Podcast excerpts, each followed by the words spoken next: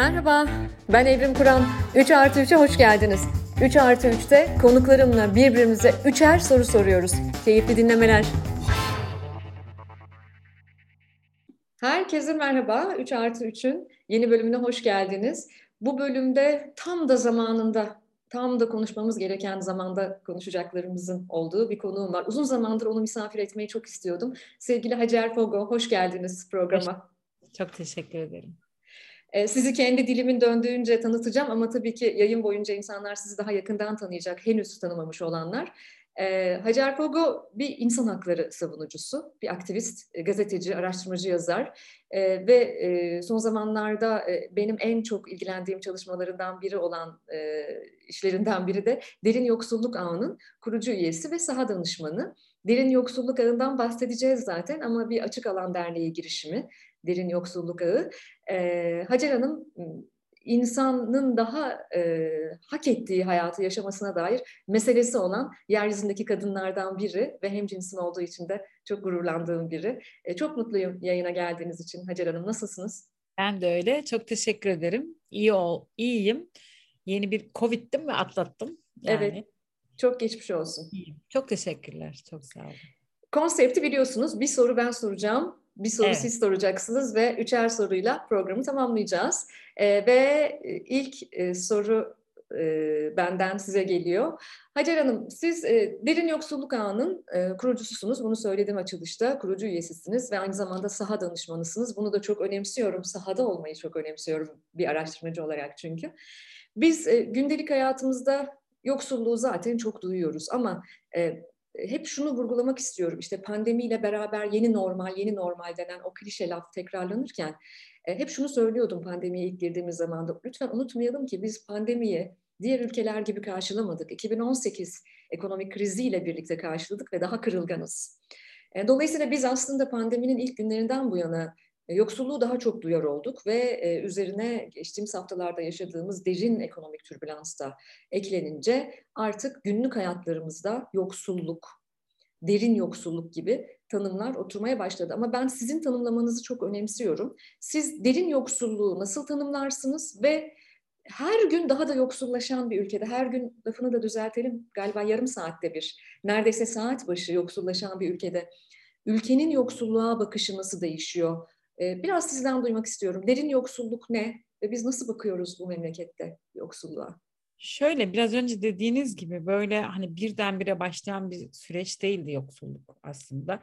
2018 ekonomik kriziyle başlayan bir e, yoksulluk ve ben sahada çok fazla olduğum için gerçekten o yoksullaşmayı görüyordum yani ailelerde evlerine ziyaret ettiğim e, zaman ama pandemiyle birlikte bu durum böyle e, beni de şaşırtacak bir biçimde e, yoksulluktan açlığa evrildi. Yani birdenbire işte hemen iki gün sonra insanların evlerinde hiçbir şey yoktu. Yani bu hani hiçbir şey olamaması e, şok ediciydi. Çünkü şöyle bir durum e, hep yaşanır. Yani yoksa ben de derim ki işte Evrim Hanım komşumsunuz mesela. İşte makarna var mı? İşte tuz var mı? Su var mı? Yağ var mı? Ama sizde de olmayan bir durumdu aslında mahallelerdeki durum. Yani komşuda da yoktu. O yüzden biz zaten bu ağı derin yoksulluk ağını kurduk ve insanlara hemen işte destekçilerimiz aracılığıyla o kapanma döneminde ve şimdi devam ediyor. Şey temel ihtiyaçlarını gıdalarını e, göndermeye başladık. İşte derin yoksulluk dediğimiz şey bu. Aslında belki e, siz hani bir sürü yoksullukla ilgili politikalar, stratejiler bilmem ne yaparsınız ama böyle bir afet durumunda birdenbire yoksulluğun açlığa dönüştüğü bir durum. Ama aynı zamanda derin yoksulluk o kişinin, bireyin, ailenin bütün gününü temel ihtiyaçlara ulaşmak için geçirmesi. İşte faturamı nasıl ödeyeceğim? Önümüzdeki ay kirayı nasıl ödeyeceğim? Temiz suya nasıl erişeceğim? Hastanede işte çocuğu götürürsem ona nasıl alacağım? Gibi bütün hayatı boyunca bu temel ihtiyaçlara kitlenmek. Ee, onun dışında kalan hiçbir sosyal hayatının olmaması. önümüzdeki e, yaz tatil programı yapmamak, bankada pro, e, şeyiniz paranızın olmaması, önümüzdeki yıl çocuğun okula gidip gitmeyeceğini bilememe hali, psikoloğa ihtiyacınız olduğu halde psikoloğa gidememek, sinemaya, e, herhangi bir çay bahçesinde eşinizle, çocuğunuzla oturamamak aynı zamanda e, derin yoksulluk ve bizim de çalıştığımız insanlar en alttaki dediğimiz alt sınıf işte kağıt toplayıcı, seyyar satıcı, gündelikçi, temizlikçi, ne bileyim işte garson, e, geçici işlerde çalışan tekstil işçileri, müzisyenler ama e, hayattan hiçbir beklentileri olmayan ve gelecek kaygısı içindeki insanlar. Ve aslında şöyle söyleyebilir miyiz Hacer Hanım? Bu soruya ekle, eklemleniyorum. Ee, hepimiz hangi sosyoekonomik seviyede olursak olalım, sınırlı imtiyazlı sınıf içerisinde değilsek potansiyel derin yoksuluz diyebilir miyiz? Kesinlikle. Her gün hepimiz yoksullaşıyoruz aslında. Yani e, siz de yaşıyorsunuz bu durumu. Mutlaka yani şu anda işte tasarruf ettiğiniz bir şey var hayatımızda. Yani ben mesela sohbet ettiğim zaman artık şu gıdayı almıyorum. Artık işte ayakkabı değiştirmiyorum ya da artık işte oğlumu e, daha alttaki bir okula, özel okul belki ama daha az paralı okula kayıt ettirdim. Ya da işte önümüzdeki yaz işte yurt dışına gitmeyeceğim. E, ya da tatilde 15 gün yapıyordum bir hafta yapacağım. Ya da hiç yapmayacağım ya da daha yakın yerde yapacağım gibi e, yani beyaz yakalı dediğimiz tırnak içinde den en alt işte e, sınıfa kadar böyle bir yoksullaşma ve herkesin e, bir basamak indiği bir durum var. Yani işte e, plaza çalışanı bir arkadaşımla görüştüğüm zaman daha iyi durumda olan tırnak içinde işte diyor ki ben işte şu marketten alışveriş yapıyordum eskiden ama şimdi işte o mavi küçümsediğimiz mavi yakalılar marketinden alışveriş yapmaya başladım. Bir taraftan hani küçümseme derken tabii ki burada yanlış anlaşılma olmasın ama bir taraftan şu durum e, o şeyi o sınıflar arasındaki farkı e, bir taraftan keskinleştiriyor ama bir taraftan da insanların birbirlerini anlamasına na da neden olduğunu düşünüyorum ve dayanışmanın tam da bu anlamayla birlikte e, yaygınlaştığını, yaygınlaşacağını e, 2022 yılında düşünüyorum. Bütün kalbimle bunu diliyorum. Bunu daha da açacağız zaten ilerleyen sorularımda. İnşallah bu dayanışmaya vesile olur. Kutuplarının arası gitgide açılan bir ülkede. İnşallah birbirimizi anlamaya, empatik ilgi göstermemize vesile olur bu yaşadığımız sıkıntılı dönemler. Ve soru sırası sizde efendim. Buyurunuz. Şöyle ben mesela işte dün gece çok etkilendim ama genel olarak da etkilendiğim bir sorun var gençlikle ilgili, gençlerle ilgili. Yani Enes'in kendi hayatını sonlandırmasının nedeninin kendi içinde yaşadığı sıkışıklık hissi, bir boşluk, e, kendi yapmak istediklerini yapamama, işin içinden bir türlü çıkamama ama inanılmaz aslında potansiyeli de olan bir çocuk ve böyle binlerce çocuk var aslında.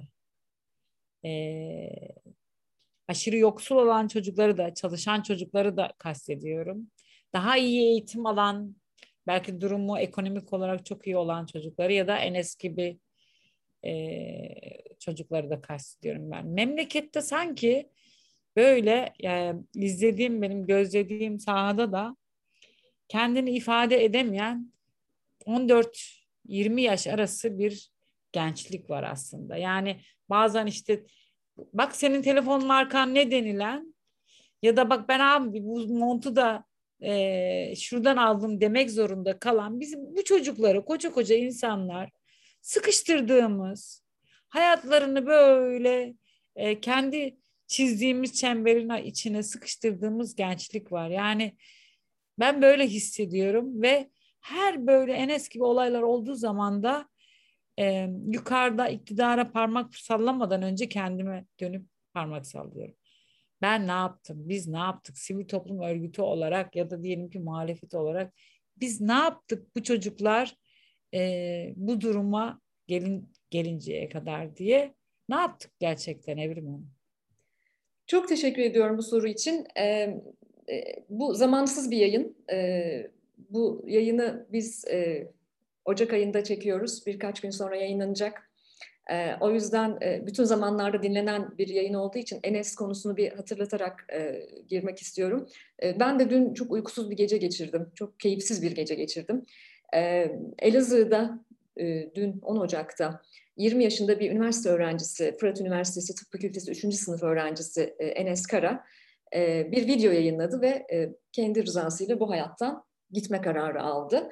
Ve e, dünden beri çok çeşitli tartışmalar dönüyor Türkiye'de ve tartışmanın ekseni Türkiye'de yapmaya çok alışkın olduğumuz biçimde kayıyor hep. Enes bir video yayınladı. E, neden bu dünyadan ayrılmak istediğiyle ilgili. E, ama bu bir e, intiharı özendirme videosuymuş gibi de ele alınıyor şu anda çeşitli kitleler tarafından. Ama benim duygum da tam olarak sizinki gibi 20 yıldan fazlasını hayatımın e, gençlik çalışmalarına, e, gençlik araştırmalarına vermiş biri olarak ilk soruyu ben de kendime sordum. Neyi e, eksik yaptık, nerede dayanışamadık? E, tam da Enes'in haberi düşmeden önce e, e, Türkiye'nin gençleri işte en kıymetli gençleri, en iyi okullarından gençleri Türkiye'den gitmek istiyor üzerine bir araştırma paylaşmıştı bir medya organı. Ben de onları eleştirmiştim. Demiştim ki hangi gençler en kıymetli? Hangi okullardakiler en kıymetli? Hangileri daha az kıymetli? Hangileri parlak, hangileri daha az parlak? Biz tabii ki Türkiye'nin belli bölgelerindeki gençlerin yeterince parlak veya yeterince kıymetli olmadığı algısına da tutunmuşuz bir yandan.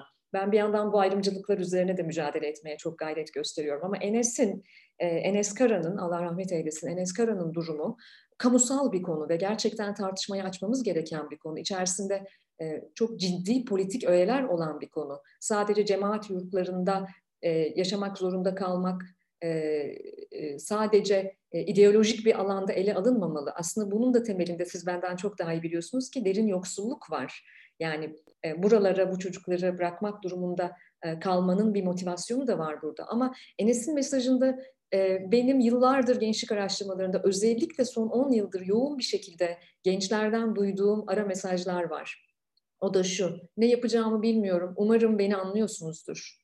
Ve umarım kardeşlerim benim yaşadıklarımı yaşamaz. Derin bir yalnızlık, derin bir ötekileşme e, ve e, bir kabileye ait olmak suretiyle hayatta kalabileceğine dair bir motivasyon verme durumu var son yıllarda Türkiye'de. Halbuki gençler orijinaldir, gençler otantiktir. Onlara alan açılmalı. Hepsi üniversite okumak zorunda değil, hepsi tıp fakültesine girmek zorunda değil, hepsi filanca yurtta yaşamak zorunda da değil. Ama bizim zannedersem Hacer Hanım yıllardır gençlik araştırmaları yapıyorum ve Türkiye'nin Cumhuriyet tarihinin politik geçmişiyle de çok ilgileniyorum. Bizim için zannedersem Türkiye'de bu konu çok da yeni bir konu değil. Çünkü Türkiye'nin genç bir ülke olarak gençlerin sevmeyen bir genç ülke olduğunu düşünüyorum. Ve bu yeni bir şey değil. Biz bu ülkede biz bu ülkenin e, yakın Cumhuriyet tarihinde 18'ine gelmemiş çocukların yaşını büyütüp idam sehpasına çıkarmış bir gelenekten, bir kültürden geliyoruz. Yani 60'larda, 70'lerde, 80'lerde, 90'larda gençleri ne kadar sevmiyorsak ve önemsemiyorsak bugün de durum böyle. Ben Türkiye'nin çok önemli, belki de en önemli temel meselesinin gençlerini sevmek, gençlerine sahip çıkmak ve özellikle gençlerini derin yoksulluktan ve anlamsızlıktan kurtarmak olması gerektiğini düşünüyorum. Bunun bir beka problemi olduğunu düşünüyorum Türkiye Cumhuriyeti için. E, kendi adıma da ben de bu soruyu çok soruyorum. E, pek çok sivil toplum örgütünde çalışıyorum, e, bir üniversitede çalışıyorum, araştırmalarımı gençler üzerine yapıyorum ve insanlara anlatmaya çalışıyorum gençlerin durumlarını. Ama belki de rakamlarla konuşursak daha anlamlı olacaktır. 2021'de 73 bin Enes gibi 73 bin üniversite öğrencisine mezun olduğunda ne yapmayı düşünüyorsun dediğimizde yüzde 81'i Türkiye'den gitmek istiyorum dedi. Bu çok ciddi bir oran ve tabii ki yüzde 81'i Türkiye'den gidemeyecek. Gidebilecek denli kendi e, perspektifleriyle şanslı olabilecek azınlıklar da tabii ki degrade olacakları hayatlar yaşayacaklar. Siz de ben de Türkiye'nin dışındaki gençlerin yaşadığı hayatları gayet iyi biliyoruz. Belki tıp eğitimi alacak, belki mühendislik eğitimi alacak ama bir benzinlikte, bir hamburgercide, bir pizzacıda çalışacak. Servis elemanı olarak çalışacak gittiği ülkede. E, gidenlerle de çalıştık. Benim son kitabım e, Onlar Göçtü Buradan da e, özellikle son 3-4 yıl içerisinde Türkiye'den giden gençlerle bir araştırma yaptık. E, ve sizin çalışmalarınızla çok paralel olduğunu düşünüyorum duyduğumuz yanıtların. İki tane soru var bence orada çok kritik. E, yüzlerce ülkeye göç vermişiz bu arada Hacer Hanım. Sadece e, Amerikan rüyasına e, çok e, muasır medeniyetler seviyesindeki batı ülkelerine göç vermemişiz biz son 4-5 yıldır. Çok yeni nesil bir göç hareketi bu. Ve orada gençlere şunu sorduk. Birincisi neden gittin? Birinci sırada ekonomik yetersizlikler var. Elbette birinci sırada mezun olduğumda e, iş bulabilme ya da bulduğum işte e, rahatlıkla e, refah içerisinde e, çalışamama e, risklerim falan. Ama ikinci sorumuz da şuydu. Neden kalmaya devam ediyorsun? Neden gelmiyorsun? İşte orada e, haklar ve özgürlükler devreye giriyor. Yani ne olsa Türkiye'ye gelirsin, orada haklar ve özgürlükler, hakkaniyetli bir yönetim, e, işte orada e, insan olmaktan kaynaklı haklarımızla yaşayabileceğimiz bir hayat devreye giriyor. O yüzden aslında baktığınızda mevzu son derece kamusal ve çok ciddi derinlikleri olan bir konu. E, siz, ben bireysel olarak, e, içinde bulunduğumuz sivil toplum örgütleri olarak, e, akademi tarafıyla, e, çok çeşitli yanlarıyla, işte iş dünyası tarafıyla bu konuları kurtarmaya çalışıyoruz. Evet ama çok daha yapısal bir dayanışma ağına ve mutlaka yasa koyucunun el atmasına çok ihtiyacımız olduğunu düşünüyorum. Kesinlikle. Ve çok üzülüyorum. E, bu vesileyle de şunu da söylemek istiyorum. Çok çeşitli uzmanlar, e, psikiyatrist değiliz biz. Ben zaman zaman yayına psikiyatristleri de konuk alıyorum. E, bizim uzmanlığımız olmamakla birlikte şu anda bir tartışma e, süre geliyor işte lütfen e, Enes'in videolarını paylaşmayın diye ama Enes intiharı özendiren bir video paylaşmamış. Bir genç olarak derdini anlatarak gitmiş. İşte o derdi cesaretle dinlememiz gerekiyor. Ve ben an itibariyle e, kural koyucudan Enes'le ilgili herhangi bir açıklama, herhangi bir e, yorum duymuş değilim. Yakından takip ediyorum bu konuyu da. Evet, e, Sıra sizde. Sıra bende. İkinci sorumu soracağım size. Madem e, ayrımcılıklardan konuştuk, e, gençlerin e, çok ciddi bir yaş ayrımcılığına da, yaşlıların ve gençlerin çok ciddi bir ayrımcılığa da maruz kaldığını düşünüyorum. E, Enes konusuna da bağlayarak çok da hassas olmamız gereken, çok kritik bir konu olduğunu da düşünüyorum. E, sivil toplum örgütlenmeleri içerisinde bunları konuşurken de. Bir kere dezavantajlı gruplar var Türkiye'de imtiyazlı olmayan dezavantajlı gruplar var. Kadınlar var, gençler var, eşcinseller var, yaşlılar var. E, fiziksel veya zihinsel olarak dezavantajlı gruplar var. Bunların yoksulluğuna da ayrı ayrı eğilmek sanırım yapmamız gereken bir şey. Ve bu e, bunu yaparak biz sadece sınıf ayrımcılığıyla değil, tüm ayrımcılık türleriyle de mücadele etmiş oluyoruz. Ama e, bu mücadelede de yeni bir perspektif gerekiyor bize. Ben sizden şöyle bir şey duymuştum evvelce katıldığınız yayınlardan birinde e, yardım etmek değil, hak temelinde dayanışmak gerektiğini söylemiştiniz. Bu beni çok etkiliyor. E, kendi tavrımda da bunu çok oturtmaya çalışıyorum. Yani acının pornografisine düşmek istemiyorum. Çünkü bizim toplumsal olarak acı pornografisine de bir eğilimimiz var. İşte Enes'i konuşurken de bu böyle. Kadın cinayetlerini veya derin yoksulluğu konuşurken de bazen bu tuzaklara düşebiliyoruz. Ben ikinci sorumda sizden biraz bunu açma, açmanızı rica ediyorum. Yani ben yardım ettim, ben işte e, bu kadar zekat verdim, ben işte şu yoksula da bu kadar yardım ettim mi bizim derdimizi çözecek? Yoksa hak temelli dayanışmanın yardım etmekten farkı ne? Bunu bana ve dinleyicilere anlatmanızı rica ediyorum. Yani şöyle keşke tırnak içinde e, o böyle yardımseverlik, hayırseverlik işte bak verdik çocuğa ayakkabı aldık, arkamızı döndük ne kadar harika. Burada bir şey yatıyor zaten. Ay, ben işte müthiş bir yani kendini iyi hissetme hali. O çocuktan daha çok herkes için geçerli değil. Tabii ki böyle bir yanlış anlaşılma olmasın ama işte ben bir çocuğa ayakkabı aldığımdaki o duy bir haz duy, duyuyorsunuz mesela iyi hissetme falan. Orada bir şeylik yatıyor yani kendini tatmin. Ama yoksulluk böyle bir şey değil. Yani o çocuk aldığınız ayakkabıyla birlikte bu sorun çözülmüyor. Bir, almayın demiyorum. İki, bunu teşhir etmek çok fena. e, bu yapılmayacak diye bir şey yok yani o, o ayakkabı verilebilir ama en azından teşhir etmek çok çok kötü bir şey ama bizim yaptığımız şey o çocuğun zaten ayakkabısının olması gerektiği, olması gereken bir düzeni nasıl yaratacağız? Bizim derdimiz bu. Yani pandemide e, marketlerde e, mamalara alarm konuluyorsa değil mi? Yani bir şey var. Bir, bir mesaj veriyor oraya markete o alarm koyar. Diyor ki e, herhangi bir anne kim alacak yani anne ya da baba o mamayı e, çocuğu için bebeği için e, parası yoksa alamasın. Değil mi? Yani bu korkunç bir şey. Yani o dönemde konuldu. E demek ki bunun arkasında bu alarmlı mamaların arkasındaki yatan sorun orada bir bebek var ve aç. Ve buna e, oradan almak isteyen anneler ya da babalar oldu ki siz böyle bir ihtiyaçtan yola çıkarak bu mamalara alarm koydunuz. Şimdi e, o bebeğin o mama hakkı değil mi aslında?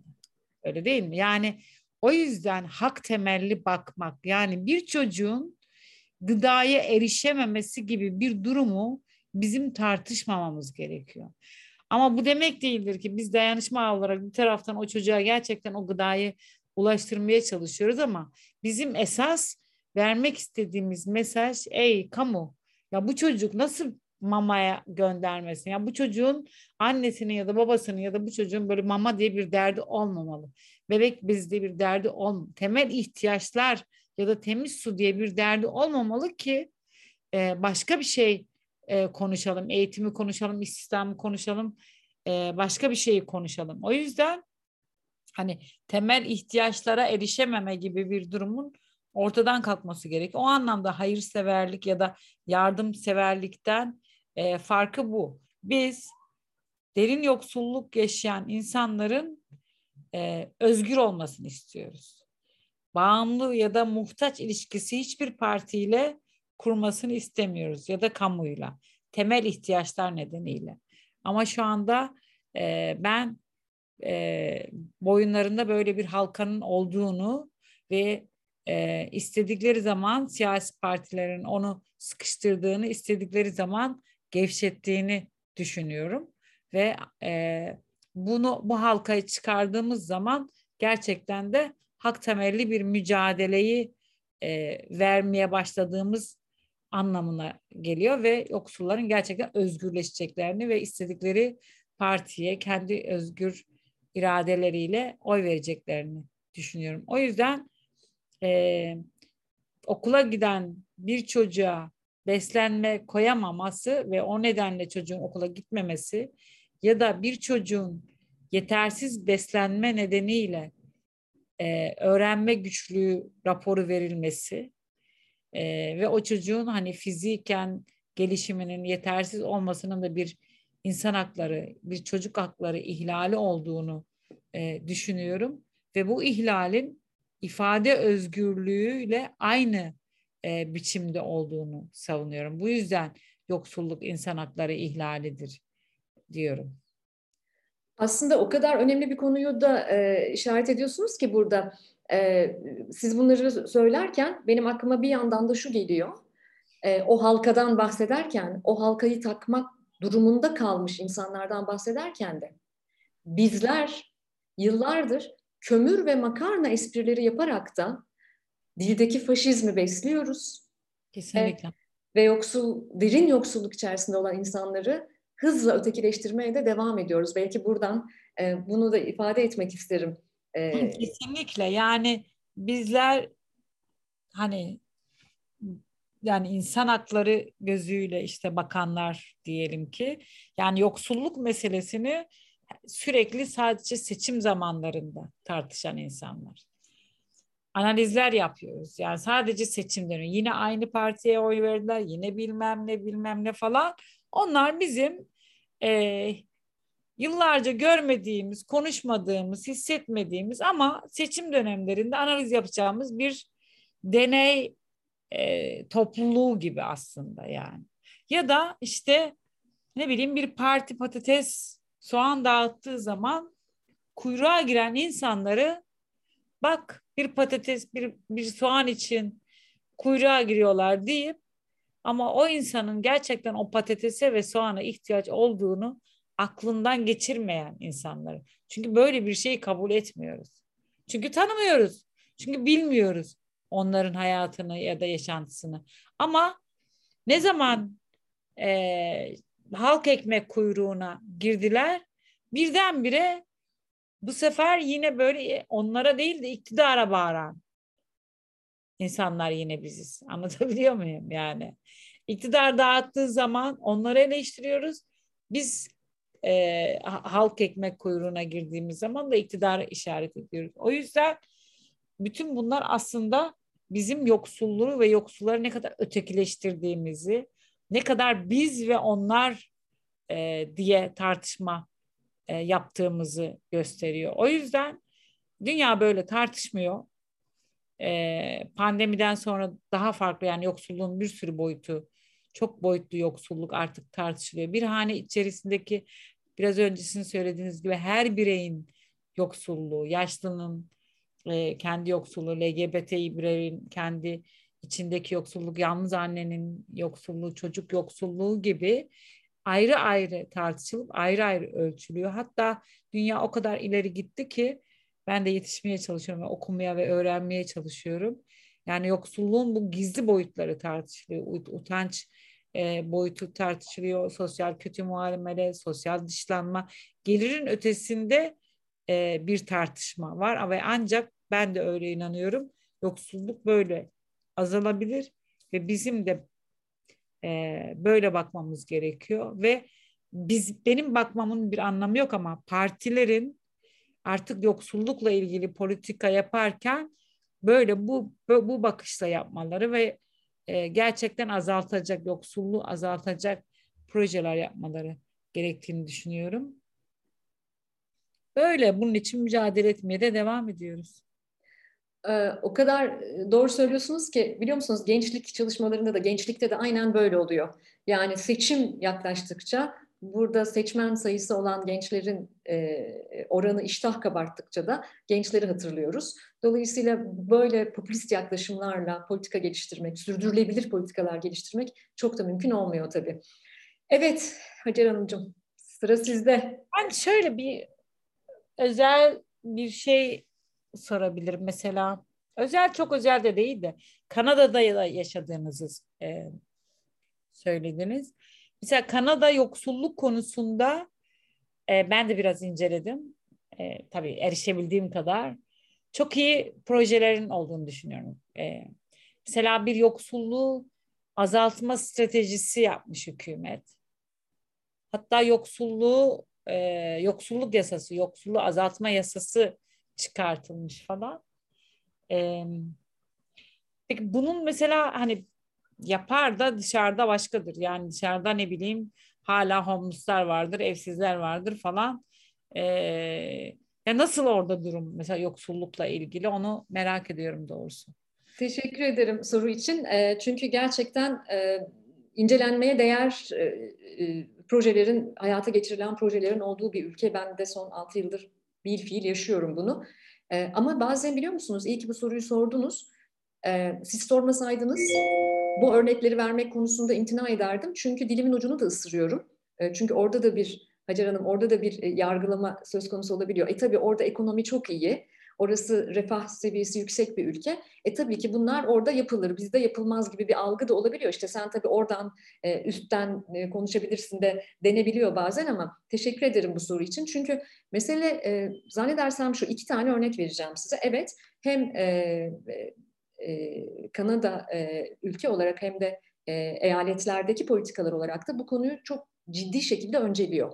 Çünkü ayrımcılıklarla mücadele etmek e, böylesi bir ülkede yani ekonomisini göçmenlerin ayakta tuttuğu bir ülkede, benzemezlerin, farklı olanların ayakta tuttuğu bir ülkede ayrımcılıklarla mücadele etmek ana politika. Yani bu e, kadınlarla da ilgili böyle, LGBTİ bireylerle ilgili de böyle, evsizlerle de ilgili böyle ki evsiz olma, bu homeless konusu orada gene bireysel bir hak olarak da ele alınıyor.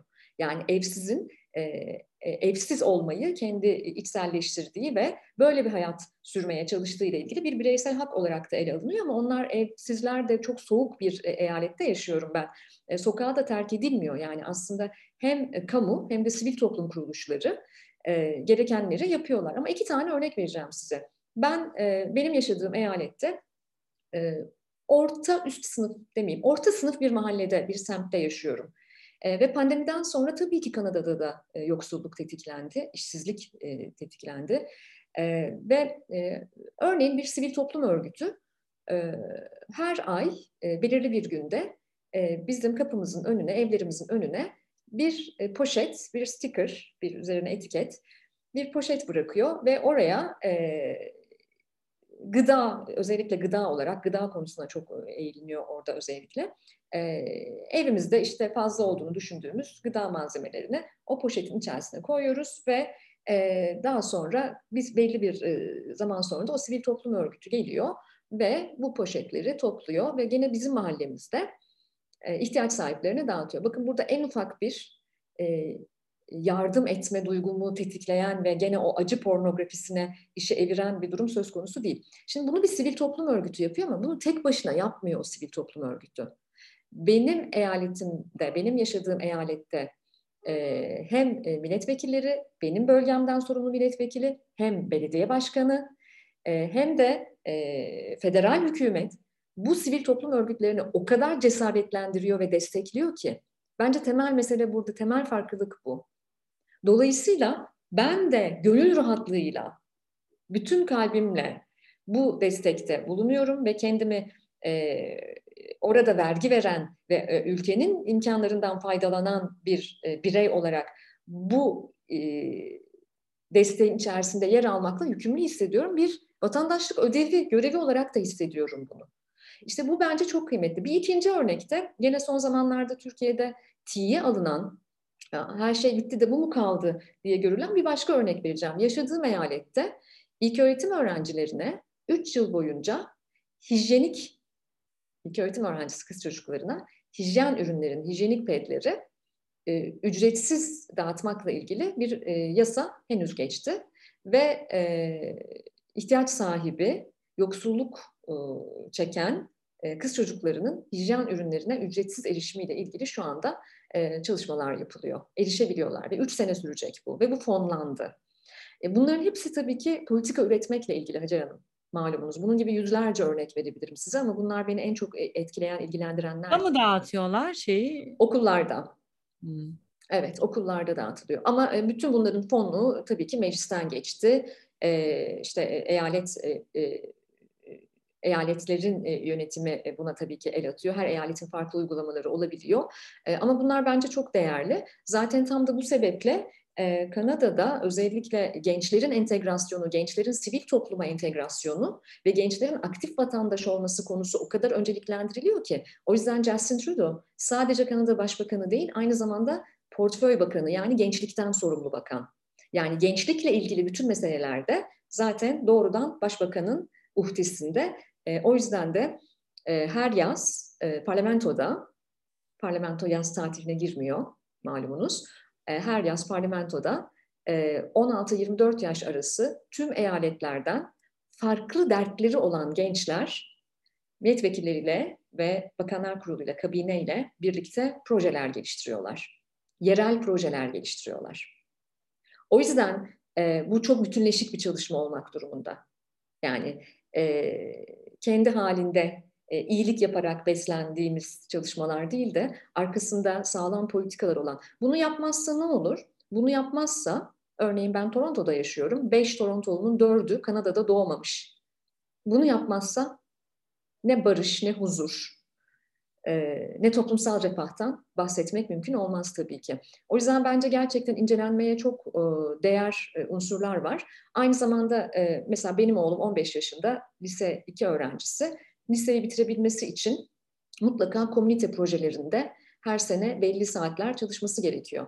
Ve bu komünite projeleri yani topluma fayda sağlama projeleri e, herhangi projelerde olamıyor. Yani e, ben işte gittim de işte e, bilmem nerede çöpleri temizledim, topladım demesini bile e, kabul etmeyebiliyor. Önceliklendirilmiş konular var çünkü. Sistem bunları kabul etmeyebiliyor. Örneğin benim oğlum bu sene şöyle bir proje yapmaya karar verdi. Satranç oynar, Ali iyi satranç oynar. Ee, inşallah pandemi izin verirse e, retirement house'larda yani yaşlı evlerinde, huzur evlerinde yaşlılarla e, satranç oynayacak. Bu işte aktif vatandaşlığı çok besleyen, destekleyen, ayrımcılıkların önüne geçen konular bunlar. E, ve tabii ki ağaç yaşken eğiliyor Hacer Hanım. Yani bizim mutlaka çocuklarımızı aktif vatandaşlar olarak yetiştirmemiz ve benim en büyük mücadele alanlarımdan biri olan da dildeki ayrımcılığı, dildeki faşizmi engellemek için çok temel eğitimden, temel öğretimden başlayarak e, yapılandırmamız gerekiyor diye düşünüyorum.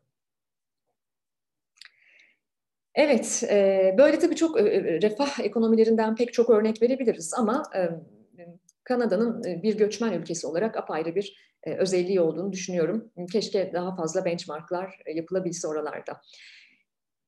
Evet, sıra bende. Şimdi e, çok spesifik bir soru sormam gerekiyor artık. Üçüncü sorum bu olacak. E, çok basit bir soru soracağım.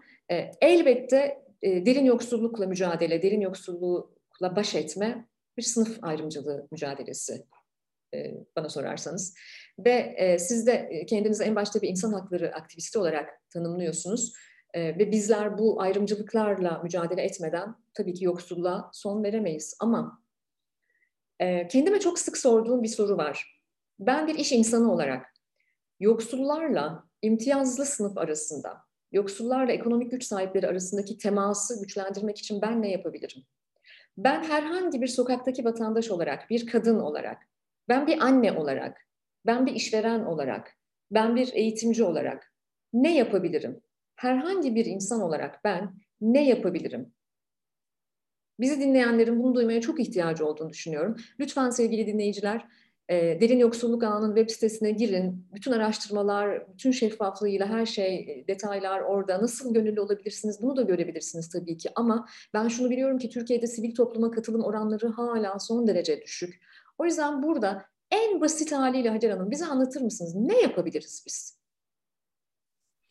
Şöyle öncelikle bu meselenin tartışılması, konuşulması, bu meseleyle ilgili e, bu meseleye ilgi duymak çok önemli düşünüyorum. Çünkü biraz önce yani hem sizin Kanada'dan anlattığınız şeyler hem bizim işte e, hani nasıl ön yargıyla bak baktığımız bu meseleye yani onlar ve bizler gibi ama şu son bu pandemiden sonra hem dünyada hem de ülkemizde yavaş yavaş bu mesele daha farklı tartışılmaya başladı diye düşünüyorum ve e, daha görünür olmaya başladı e, diye düşünüyorum. O, o yüzden öncelikle hani bizim birbirimizi öğrenmeye ve gerçekten bu konuda yazılmış, çizilmiş makaleleri okumaya ama bir taraftan da sahayı e, bırakmamaya da ihtiyacımız var yani. E, eğer biz bir siyasi partide çalışan bir insansak, örneğin yoksul mahallelerde diyelim ki böyle bir çalışma yapacaksak gerçekten o girdiğimiz hanede e, ki insanı, kadını, çocuğu her neyse e, parmak sallamadan, onlara öğretmeden bir kere dinlememiz gerekiyor. Yani yani baş sıfır bir sıfır gibi başlayıp dinleyeceğiz. Yani birbirimizi öğren öğreneceğiz. Ee, ön yargıyla yaşla, yaklaşmamak gerekiyor bu meseleye diye düşünüyorum. İkincisi bulunduğunuz yerde her neredeyseniz bu illa derin yoksulluk ağı ya da başka bir e, sivil toplum örgütü olmak zorunda değil. Bence biz bakmayı, görmeyi bildiğimiz zaman e, bir şekilde o dayanışmanın da yaygınlaşacağını düşünüyorum.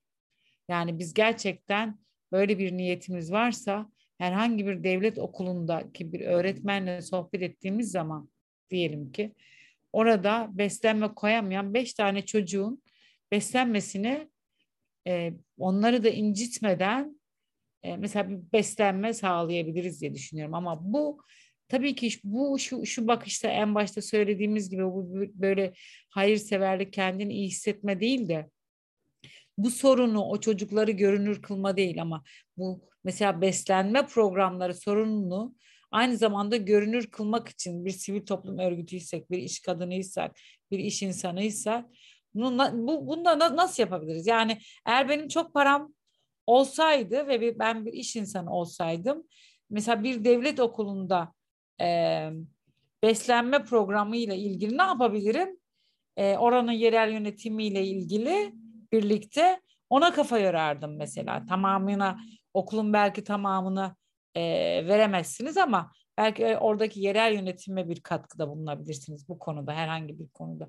Yani yapılacak çok şey var ama bütün o çok şeyleri yapmadan önce bu meseleyi öğrenmemiz gerekiyor gerçekten. Çünkü e, birden yani birbirimizi öğrenmeden yapacağımız her şey e, hem karşı tarafa hem de kendimize zarar da verebilir aslında diye düşünüyorum.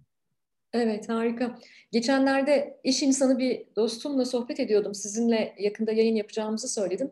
Dedi ki aa dedi ben dedi e, e, nakdi yardım yapıyorum derin yoksulluk ağına. Çok içim rahat dedi. E, oradan yola çıkarak bu soruyu size sormak istedim. E, çünkü aslında galiba en derininde, en temelinde e, mevzuyu konuşmak, e, gündeme getirmek, e, tartışmaya açmak galiba en kıymetlisi. Çünkü ben evet, sizinle yayın... İlişkisi evet. Gerçekten çok çok önemli. Evet. Ben sizinle yayın yapacağımı söylediğimde mesela böyle bir e, şey duydum bu dostumdan sizi destekleyen biri olduğunu e, ve şunu dedim, şunu sordum kendime. Neden daha önce bunu konuşmadık. Çok yakın bir dostum çünkü hayatta hayata dair pek çok konuları konuştuğumuz biri. Demek ki daha çok gündeme getirmemiz ve daha yüksek sesle konuşmamız gerekiyor diye düşünüyorum. Ve e, son soru sırası şimdi sizde. 2022'den ne bekliyorsunuz diye sorayım. Çok merak ediyorum. Ee, sizce bir umut ya da bir dayanışma ya da başka bir şey e, ne, ne olacak? Ne olacak bizim halimiz Evrim Hanım? ne güzel, ne tatlı bir soru. Ee, bir kere e, gerçekçi olmamız gerektiğini düşünüyorum. Yani e, hiç romantizme e, girecek lüksümüz halimiz yok. Gerçekçi olmak da galiba şuradan geçiyor. Benim gibi jenerasyon çalışıyorsanız e, geçmişle e, yüzleşmenin e, önemi her geçen gün daha çok karşınıza çıkıyor. Ben 2022'ye kişisel olarak geçmişle yüzleşerek girmeye gayret ettim. Ve toplumsal olarak da bunu yapmaya çok gayret ediyorum. Bu yayının başında sizin de söylediğiniz gibi ben ne yaptım? Acaba ben neyi fazla, neyi eksik yaptım? Ben bireyden bunun çok başladığını düşünüyorum. O yüzden şayet bireysel e, ve toplumsal gerçekliklerimizle ve siyasal gerçekliklerimizle yüzleşirsek 2022'de, 2023'te, 25'te umut olacak diye düşünüyorum. Ben umutluyum. 2022'den umutluyum ama süper romantik değilim. 2022'de olası bir e, yönetim değişikliği olacağını düşünüyorum. Siyaseti yakından takip eden biri olarak örneğin bir erken seçim bekliyorum kişisel olarak. Bu benim beklentim. Böyle okuyorum Türkiye siyasetini de. Ama yine de Alice Harikalar Diyarı'nda olmayacak. Bambaşka bir dönem açılacak ve bizim 2022 ve devamındaki yıllarda Türkiye'de bence Hacer Hanım en az 5 yıl çok ciddi bir yetenek yönetimine ve oturmuş liyakat sistemlerine ihtiyacımız olacak. Bunun için de hepimizin ama hepimizin elimizi taşın altına koymamız gerekecek. Ee, bunun için cesur insanlara ihtiyacımız var. Halil Cibran bir şeyleri değiştirenler deliler ve dahilerdir der. Bizim gerçekten delilere ve dahilere çok ihtiyacımız olacak. Ee, dilerim bu söyleşiler, bu sohbetler e, bu duyguyu harekete geçiriyordur. E, benim için kendi adıma e, Türkiye'ye e, kesin dönüş yapma planlarında olduğum bir yıl. Umarım sükutu hayale uğramam. Ülkemden yavaş yavaş. Evet, ülkemden beklentilerim yüksek. yavaş yavaş ama sakin sakin. Evet, ama şunu çok istiyorum tabii ki. beyin göçü, yetenek göçü ve özellikle. Ee, özellikle de yanlış bir ifade kullanmak istemiyorum ama varsıl göçü diyelim. Yani varsılların göçü çok arttı malumunuz son yıllarda ve bu Türkiye ekonomisine ciddi şekilde e, zarar da verdi. E, yetkin, yetenekli, varsıl insanların e, en azından e, tersine göçünü veya gittikleri yerde ülke için e, fayda yaratabilecekleri e, işlerde e, olmalarını kolaylaştıracak yepyeni bir dönemin gelmesini çok arzu ediyorum. Ama bu biz böyle otur, oturduğumuz yerde otururken olmayacak. Bu sadece işte bir e, muhalefetin hareketiyle, iktidarın değişimiyle falan olabilecek bir şey değil. Her mahallede, her sokakta tek tek hepimizin yapması gereken şeyler olduğunu düşünüyorum. Yeni bir e, toplumsal mutabakat, yeni bir toplumsal e, anlayış inşa etmemiz gerekiyor. Mevzu e, bence bu kadar derinlerde. Çok teşekkür ederim. Ben size çok teşekkür ediyorum. İyi ki geldiniz. Çok teşekkür ederim. İnşallah biz bunları 2022'de daha yüksek sesle konuşacağız. Evet, ben de dayanışma yılı olacağını düşünüyorum ve e, umut, yani çok umutluyum. Yani çok zor bir yıl olacak ama sonunda başaracağız. Harika. Sevgili 3 artı 3 dinleyicileri, e, Türkiye'yi, sahayı, gerçekleri çok iyi bilen, hiç de romantik bir insan olmayan Hacer Fogo söyledi bunu. O halde ona inanabilirsiniz diye düşünüyorum. Dayanışmayla harika bir yıl olsun. Çok teşekkür ederim yayına katıldığınız için. Ben teşekkür ederim. Çok sağ olun.